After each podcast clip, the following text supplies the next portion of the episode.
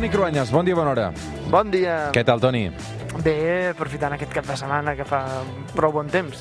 Avui, una altra història amb el Toni Cruanyes. Ens fixem amb aquesta notícia que ha sortit aquests últims dies. La Sagrada Família, el desafiament de Gaudí, és un projecte internacional, una coproducció de la cadena francesa Arte i en participació de TV3.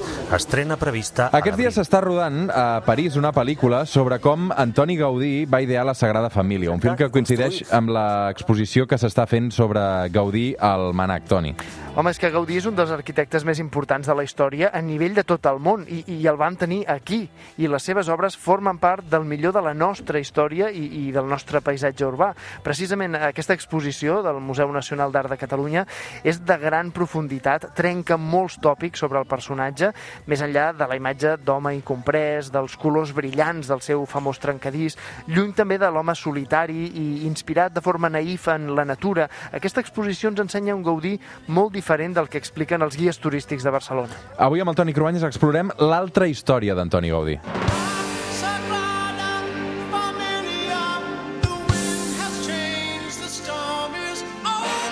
La Sagrada Família, en aquest cas un clàssic dels 80, comencem per la història bàsica de, de la vida de Gaudí, que va néixer el 1852, Toni. La família era de Riudoms, al Baix Camp, i eren calderers. Ell, des de ben aviat, ja va destacar intel·lectualment, va veure de tota la creativitat de l'Escola d'Arquitectura de Barcelona. Des de la mateixa carrera ja va començar a destacar, de seguida va obrir un despatx propi, ho va fer al carrer del Call de Barcelona, una zona de molta ebullició, va, va estar en contacte continu amb els corrents internacionals d'arquitectura, els, els més actuals. Un dels primers encàrrecs va ser la cooperativa La Obrera Mataronense, també uns fanals per la plaça Reial de Barcelona i una vitrina per una botiga de guants de, de la Casa Comella. Gaudí, com molts genis, va començar fent coses petites. Va començar fent coses eh, pràctiques que, que feien falta, que la Catalunya industrial i la nova Barcelona d'aquell moment demanaven. Va acabar la carrera el 1878, just quan feia molt poc que la ciutat havia enderrocat les seves muralles, així que l'Eixample estava pràcticament per construir. Barcelona en aquells moments era una ciutat rica, amb una classe industrial molt potent, optimista, amb ganes de construir el millor, el més modern. I aquí Gaudí encaixa a la perfecció i comença a treballar per les grans fortunes de tota la ciutat, no? Clar, és que, a veure, dic rics, però que eren molt rics, perquè els Güell i els Comilles, per exemple, eren els més rics d'Espanya, i per ells eh, construeix edificis molt ostentosos, els més ostentosos del moment. Gaudí treballa per la burgesia, per la noblesa, per l'Església Catòlica. Vist així, no acaba de quadrar el mite de l'arquitecte incomprès al seu temps, no? D'aquesta manera ho argumenta l'exposició del Manac d'aquests dies, i que us recomano a tots, i especialment el seu comissari, que és el director de la Càtedra Gaudí de la UPC, Juan José La Huerta. Gaudí és fruit del, del seu temps o realment era una ment que anava per lliure, Toni? Clar, és una gran pregunta, jo crec, no? El mite de Gaudí diu precisament que va ser un home tancat en el seu món interior, es parla de la mort dels seus pares i germans, el fet de ser rebutjat per una dona de la que ell estava enamoradíssim, Pepeta Moreu, tot, tot això ajuda a descriure'l com un home separat de la vida social. I no era així ben bé?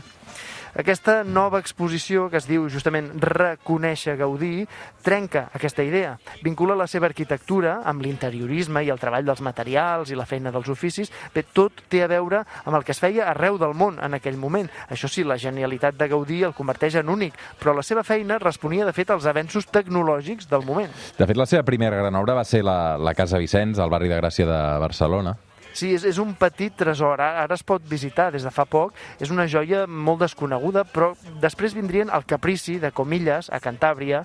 El primer marquès de Comilles era sogre d'Eusebi Güell, que a partir d'aleshores va convertir-se en el gran mecenes de Gaudí i que va deixar-li crear sense fre amb, amb el Palau Güell, el Parc Güell, després vindria la Torre Bellesguard, la Torre Bellesguard, perdó, la Casa Batlló, la Pedrera i, i la cripta de la família de la colònia Güell. I diuen els amos de les cases que encarregaven a, a Gaudí, de fet es queixaven que ell el que volia i, i, i eh, si feia el que ell volia realment sempre els costava més diners del que hi havia pressupostat inicialment, no? Bé, això em sembla que és el mateix que passa encara avui amb molts arquitectes i paletes, Mm, no? El sí. pressupost sempre, sempre és més i les obres s'allarguen, no? La gran obra que és la Sagrada Família, eh, sens dubte la més monumental, encara per acabar. Sí, Gaudí havia heretat el projecte de l'arquitecte Francesc de Paula del Villar. Estem parlant de l'any 1886, però va ser sobretot a partir del 1914 que Gaudí ja vell es va tancar a cabal que s'estava convertint en el seu gran projecte, no ja només personal, és a dir, no només professional, sinó personal, el seu projecte vital. El mite diu que Gaudí va passar de moda, que les noves classes dirigents del país van començar a raconar-lo, no li feien més encàrrecs, el trobaven massa extravagant. Això és veritat. Què hi va haver d'això en l'obsessió final de Gaudí per la Sagrada Família? No ho sabem. La mort de Gaudí eh, té a veure amb aquest aïllament que expliques. Eh, tenia ja 73 anys i, de fet, no es va donar que venia un tramvia. Un tramvia que el va atropellar i va morir. La falta de diners per anar més ràpid en la construcció va fer que Gaudí es fixés molt en els detalls de cada part del temple de la Sagrada Família. Tots els símbols tenen alguna explicació, des de la façana de la Passió. Per ell, la Sagrada Família era com una bíblia de pedra en què no es podia deixar cap aspecte de la història i dels misteris de la fe cristiana. Avui renaixeré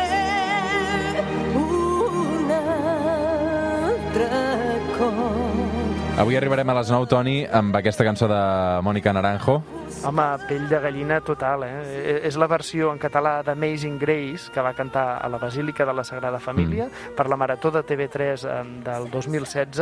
És una cançó cantada des del cor de l'obra de Gaudí. I mira, animo tothom a veure, visitar, revisitar els edificis de Gaudí. Tenim una gran sort de tenir tan a la vora aquesta obra genial de nivell universal.